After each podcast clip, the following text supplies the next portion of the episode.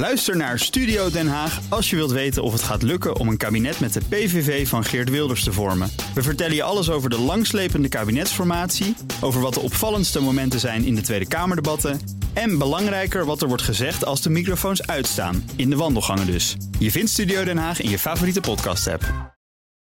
Boardroom Panel. De wereldwijde bestuurstop voorziet een somber jaar. En bedrijven moeten na de corona-verkooppiek stunten met prijzen om van voorraden af te komen.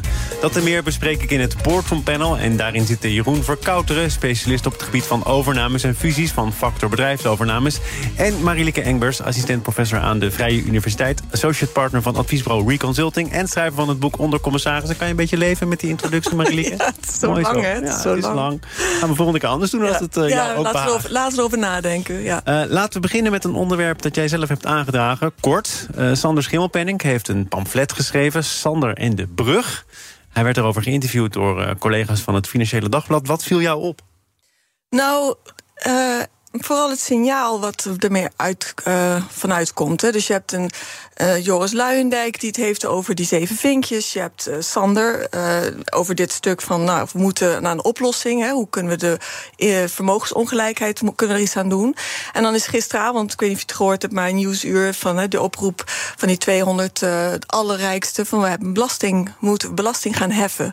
En daar kijk ik meer, zo kijk ik er meer naar. Dat ik denk dat in de boardroom je naar dat soort signalen goed moet luisteren. Eh, want ik vind het ook heel interessant dat dan gezegd wordt... van als we niks doen, dan krijg je zodanige onrust... dat het, nou ja, dat, dat het je in kan halen hè, in de boardroom. Dus ik denk dat dat wel een thema is waar we met z'n allen over En moeten ook nadenken. al wil je vooral een signaal geven... hoe goed moeten je plannen zijn uitgewerkt? Eh, want ik hoef hier niet op detailniveau in te gaan... op de plannen van Sander Schimmelpenning. Maar de collega's van het FD deden dat wel. Die zeiden, goh, jij stelt van alles voor. Heb je ook wel eens berekend wat dat dan oplevert? Ja. Bleek niet zo te zijn. Zijn verweren, ja luister, ik ga niet in mijn eentje het systeem veranderen. Ik ben ook geen fiscalist. Ik wil inderdaad vooral een signaal afgeven.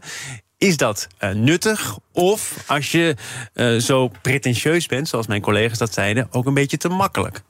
Ja, ik denk dat, het, dat je een risico loopt. Hè? Want zodra je concreet wordt, kan iedereen je afmaken. En kan je het over dat naar die oplossingsrichting gaan hebben in plaats van over het grotere thema.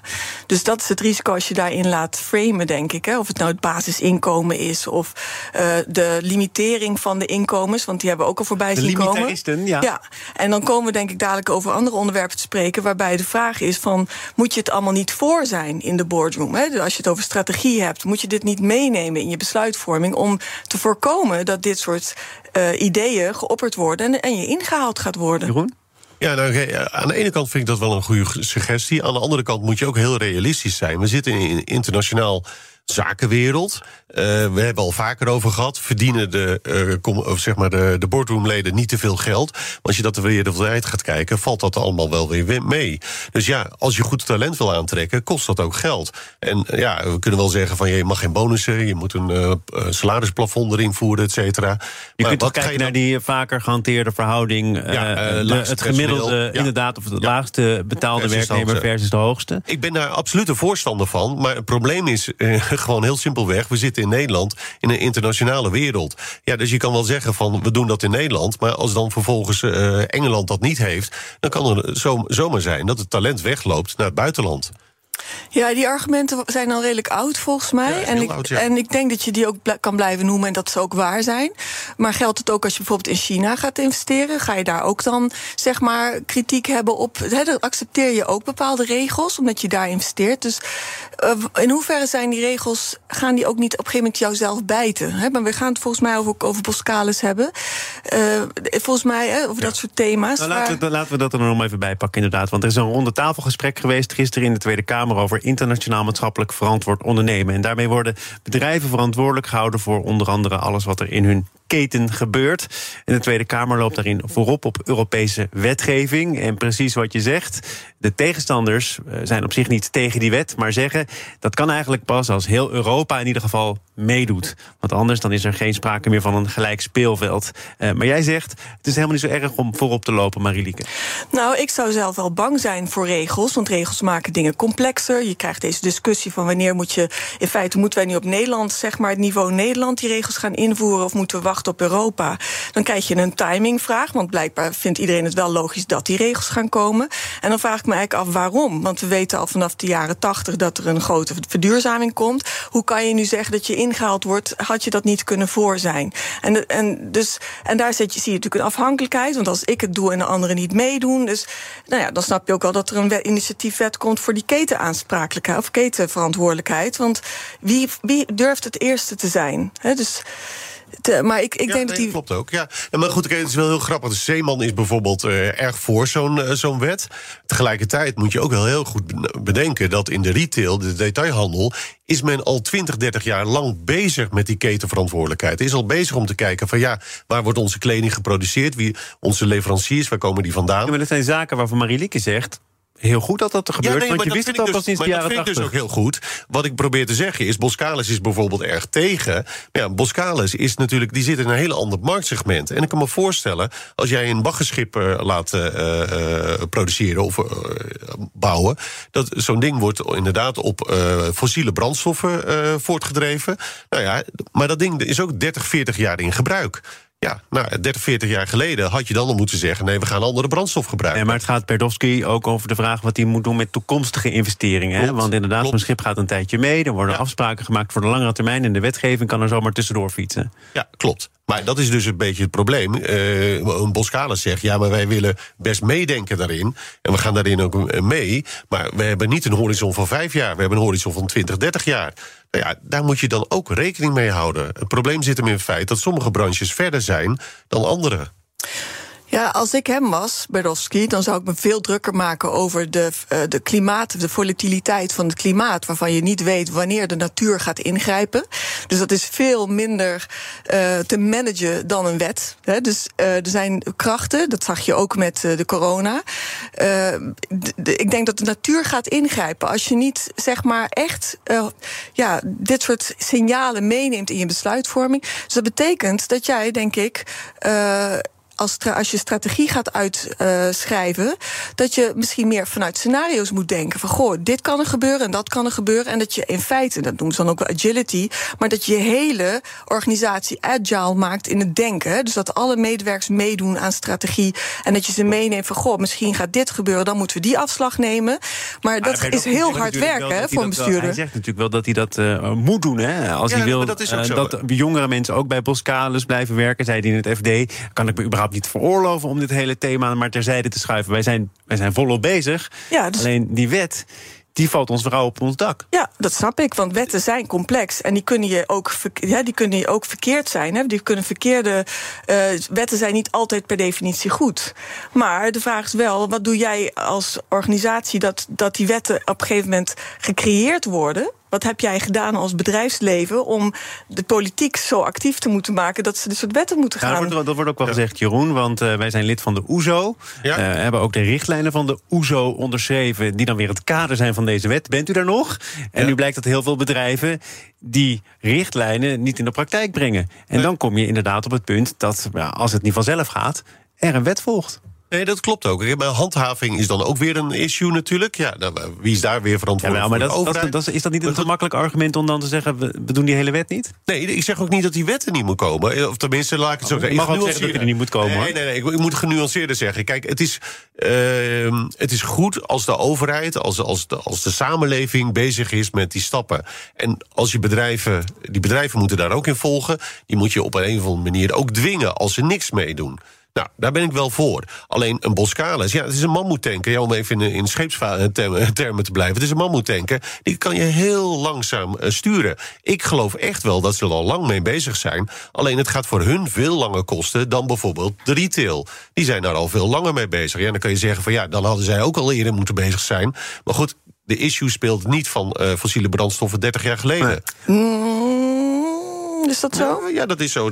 Ja, nou, er zijn ook rapporten waaruit blijkt dat uh, grote oliemaatschappijen natuurlijk al heel lang wisten dat wat zij deden in de kern het milieu schade.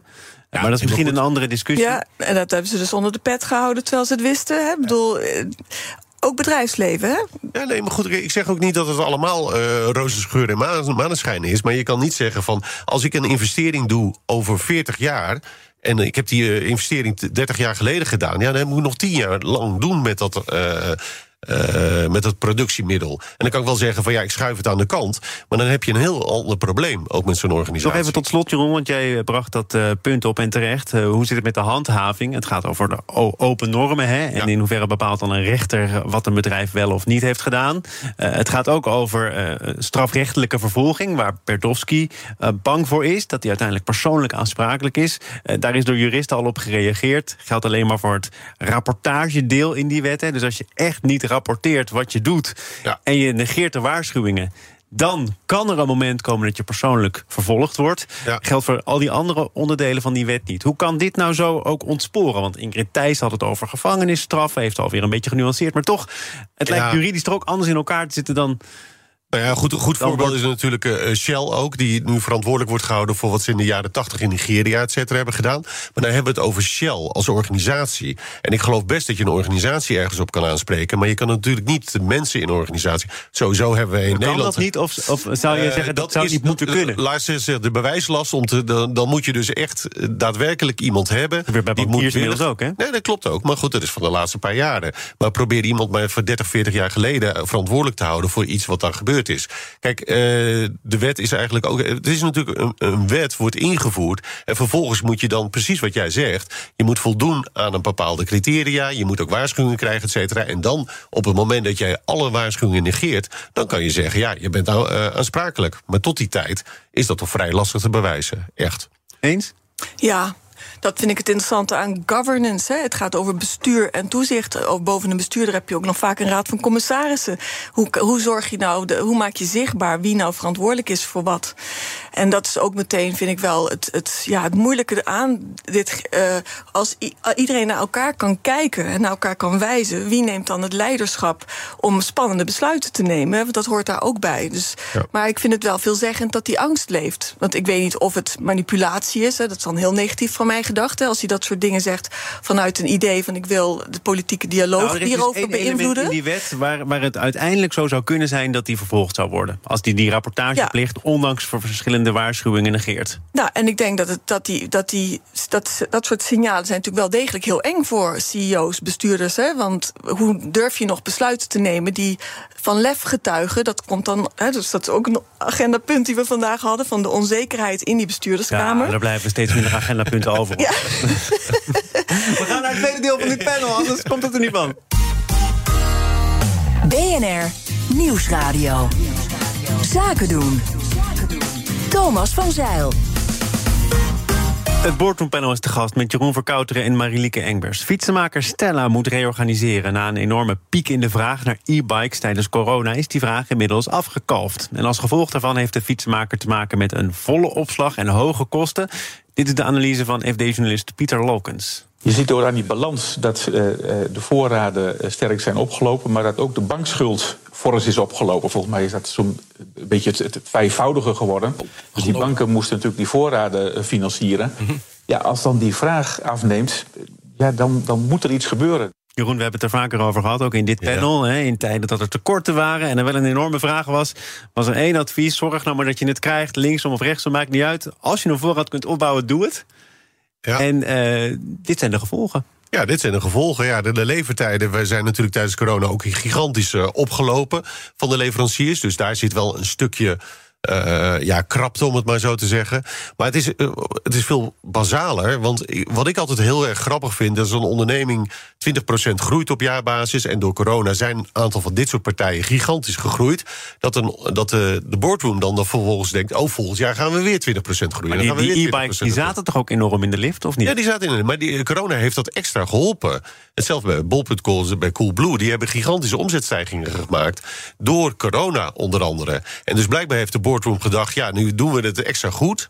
Uh, gedeeltelijk inderdaad door, de, door de, gewoon de marktomstandigheden... maar gedeeltelijk ook door externe omstandigheden. Door eigenlijk een, een unieke situatie. En vervolgens denkt onder de, de boardroom van... nou oké, dan kunnen we nog uh, volgend jaar nog een keer Is groeien. het verwijtbaar om dat uh, bijzondere jaar dan als maatstaf te nemen... voor de toekomst, Marilieke? Uh, ja, verwijtbaar vind ik een groot woord, maar nou ja, het geeft financieel wel een beetje... gaat het uh, nu bepaald niet rooskleurig. Nee, maar ik denk dus, nou, je raakt hier de kern aan wat het vak of het, ja, het vak strategie inhoud, strategie, strategie, realisatie. Uh, dat is niet zo van één keer iets formuleren en dan denken we hebben het voor de komende jaren geregeld. En oh, dus vorig jaar is het zo gegaan, dus nu gaan we alleen maar groeien. Uh, strategie gaat over dat je continu voelsprieten uit hebt staan over wat gebeurt er, wat zijn de patronen. En dat je daar gewoon heel erg ook, ja, ik had het net over agile, maar dat je dus ook echt wel uh, ja, op tijd ingrijpt. En hier is het een beetje vreemd dat je een unieke situatie gaat nemen om dan vervolgens te denken dat, dat je dat kan extrapoleren naar de toekomst. Er zijn dus bestellingen uh, gedaan, blijkt ook uit het jaarverslag, die stellen op geen enkele manier kan verwerken. Ja. Um, maar ja, dat komt wel voort uit diezelfde unieke situatie dat er heel veel zaken niet te krijgen waren. Ja. Dus een voorraad had zo zijn waarde. Ja, bij dit, ik moet dan allemaal denken aan die term VUCA, hè? volatile. Je kent die begrippen? Uh, nou, ik heb nog wel wat bijscholing nodig. Oh, nou ja, VUCA. volatile, uh, U is van uncertain, uh, C is van complexity en A is ambiguous. Dat, wordt vaak, dat wordt geschreven, wat voor deze context waarin wij ons nu begeven, wordt vooral als VUCA benoemd. En ja, dat betekent dus dat er heel veel, al die termen, die, daar hebben we nu wel mee te maken. Dus volatiliteit is dat er dingen kunnen gebeuren, onverwachts. Onzekerheid, hoe ga je ermee om? Het is complex. Al die termen, dat betekent dus dat je ook als leider daar ja, met, met die context ontzettend rekening moet gaan houden. En je dus ook kwetsbaar bent. Over volatiliteit gesproken, even kijken in de boardroom van Stella wie daar nog in zit en wie niet. Ja. Uh, wat zegt het? Dat op uh, dit moment dat het met die onderneming dus bepaald niet goed gaat. Het hoofd marketing, het hoofd assemblage, het hoofd IT-zaken en de medeoprichter zijn vertrokken. Ja, ik vind het wel heel erg opvallend ook. Uh, blijkbaar is het een soort stuivertje wisselen geworden. Of wie heeft er hier de grootste oorzaken van? Ja, en vervolgens gaan mensen uh, de eerste mensen die weggaan, dat zijn natuurlijk de mensen die of ergens anders gewild zijn, of denken van ja, misschien uh, gaat het hier mis en uh, brand ik mijn vingers eraan. Dus ik vertrek wel. En ik vind wel heel erg opvallend dat er heel veel van dat nou, De huidige topman zijn. heeft natuurlijk ja. op een bepaalde manier zijn commitment uitgesproken door bij te storten samen met een paar ja. andere aandeelhouders om liquiditeitstekorten te dichten. Ja. ja, misschien wrang en pijnlijk dat het nodig is, maar hij doet het wel. Ja, nee, maar dat, kijk, en dat is een teken dat je geloof hebt in de organisatie. Overigens is nog maar de vraag of de bank dat niet geëist heeft. Hè. Kijk, we kunnen allemaal doen alsof, uh, alsof het net vrijwillig is gebeurd. Ja, er moesten nieuwe faciliteiten worden afgesproken. Ja, daarom. Dus een convenant is al snel gemaakt. En dan vervolgens zegt de bank... ja jongens, jullie moeten wel even bijstorten, want anders... Ja, kijk, en dan is het min, min of meer dwang. En dan kan je natuurlijk wel verkopen naar de buitenwereld. Kijk, we hebben geloof in de organisatie. Maar tegelijkertijd uh, is de dwang vanuit de bank wel heel erg groot. Op dat nog één puntje van orde. Kijk ook even naar jou, Marielieke. Er was nog geen OR bij Stella, terwijl er 600 mensen werkten. Ik geloof dat die nu uh, in allerijl moet worden opgetuigd. Omdat natuurlijk nog het een en ander te, bespreken valt. Hoe vaak komt dat nou voor dat er ondanks de verplichting... wat blijkbaar een zachte verplichting is...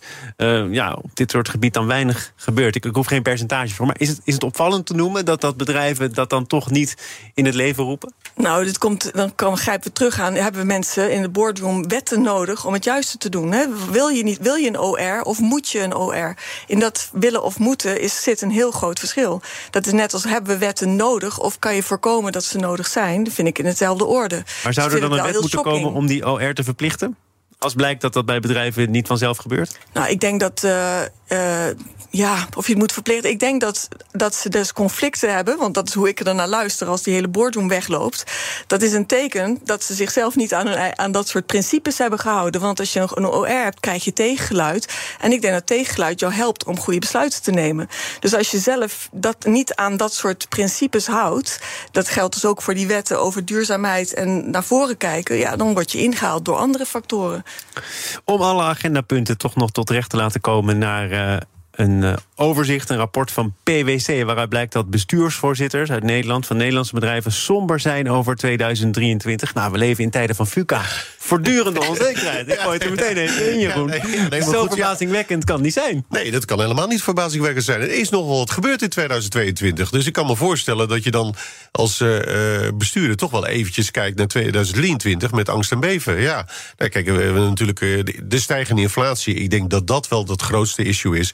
Blijkt ook wel uit het onderzoek loonprijsspiraal. Dat, dat is denk ik voor veel ondernemers en voor veel uh, boardroomleden toch wel echt een issue. Is wel van iets meer voorbijgaande aard, hopelijk, Klopt. dan grote andere kwesties als voortdurende digitalisering, klimaatadaptatie. Het is ook een beetje de waan van de dag, hè? laten we even heel helder zijn. Ik bedoel, uh, op het moment dat dit soort dingen spelen, die direct je portemonnee raken, ook van de consument, dan kan het ook best zo zijn dat mensen denken: van ja, jongens, wat, gaat het hier gebeuren? Maar als de inflatie vervolgens weer naar uh, 3% gaat, bij wijze van spreken, in 2024, dan praten we er niet meer, over. Is het inderdaad meer een, een thermometer die zegt hoe het vandaag gaat? Ook als je kijkt naar wat er dan blijkbaar belangrijk wordt gevonden: inflatie, loonprijsspiraal? Nee, ik denk dat er iets fundamentelers is. Maar, uh, en dan moet ik toch weer een nieuw woord introduceren. Maar dat is een paradigma. Je zit aan je quotum. nee, Sorry, nee, maar we gaan volgens mij naar, hè, dat noemen ze ook wel paradigm shift. Er is iets fundamenteels gaande. Dus je ziet ook in de governance context, is net die nieuwe vernieuwde code. Daar wordt dan gezegd dat het een best practice is. Terwijl we weten dat het helemaal geen best practice is, hè, vanuit allerlei perspectieven. En uh, de, je ziet dus dat er heel veel onzekerheid ook komt, omdat uh, impliciete, voor vanzelfsprekende aannames wordt nu ter discussie gesteld. En dat doen ook jongeren, die komen ook steeds mondiger naar voren van ik wil maar geen partner worden. Op heel veel gebied zijn de regels die altijd hebben gewerkt, lijken nu niet meer te werken. En ja, natuurlijk is inflatie vervelend, maar het zit volgens mij veel dieper. Dat mensen in de boardroom eigenlijk niet meer zo goed weten hoe het beter moet, anders moet. Maar ze zeggen wel dat dat nodig is om over tien jaar nog altijd uh, een factor van betekenis ja, te zijn. Maar ze, eh, volgens mij uh, wordt heel erg naar elkaar gekeken van wat is dat nieuwe dan? En iedereen wil ook graag dat vernieuwde brengen en hebben. En dan ga je met jongeren praten en allerlei uh, initiatieven. Maar in de kern denk ik dat, dat er niet meer genoeg geleerd wordt. Wat wel geleerd, hè, moet geleerd worden. En er is ook heel veel kennis beschikbaar. Maar welke bestuurder neemt zichzelf, geeft zichzelf de tijd om weer even echt in de collegebanken dan hoef je niet letterlijk collegebanken, maar echt weer fundamenteel te leren en ook naar je eigen blinde vlekken op zoek te gaan. Nou ja, waarom zou je dan eigenlijk somber zijn? Dan moet je juist die uitdaging aanzien. Nee, maar je dus moet wel begrijpen dat er ook informatie is die jij nog moet halen. Waarvan jij vaak, als je in de top zit, denk je dat je het allemaal al weet. Of je, je laat je via een lezing even beïnvloeden. Maar er zit veel fundamentelere kennis waar je echt tijd voor moet nemen om die eigen te maken. En als je, als je weet dat die er is, dan ben je misschien wat positiever. Maar als je dat niet weet, dan kan het wel zijn dat je in een soort modderpoel begeeft. Nou, ik denk, ik denk dat dan juist die uitdaging kan vinden en daarin kan zoeken. Want de dingen waar ze somber over zijn, dat blijkt uit het onderzoek, dat zijn inderdaad de elementen die vandaag spelen. En niet over een aantal jaren. En ik denk dat dat stukje. Ja, denk ik dat ze met name als uitdaging kunnen zien. Vier agendapunten in een klein half uurtje. Dat is mijn uh, bijna dagelijkse Dilemma. Uitdaging, dilemma. Het is weer volbracht. Met jullie hulp uiteraard. Jeroen Verkouteren, specialist op het gebied van overnames en fusies... verbonden aan factorbedrijfsovernames. En ja, dit soort afkondigingen gaan ook van de tijd af. Marilieke Engbers, assistant professor aan de VU... associate partner van het adviesbureau Reconsulting... schrijver van het boek Onder Commissarissen. Boardroom Panel wordt mede mogelijk gemaakt door NCD... de Nederlandse Vereniging van Commissarissen en Directeuren. Bij BNR ben je altijd als eerste op de hoogte van het laatste nieuws. Luister dagelijks live via internet. Bas van Werven. En heel langzaam komt de zon op rond dit tijdstip. Je krijgt inzicht in de dag die komt op BNR, het Binnenhof in Nederland en de rest van de wereld. De Ochtendspits. Voor de beste start van je werkdag. Blijf scherp en mis niets.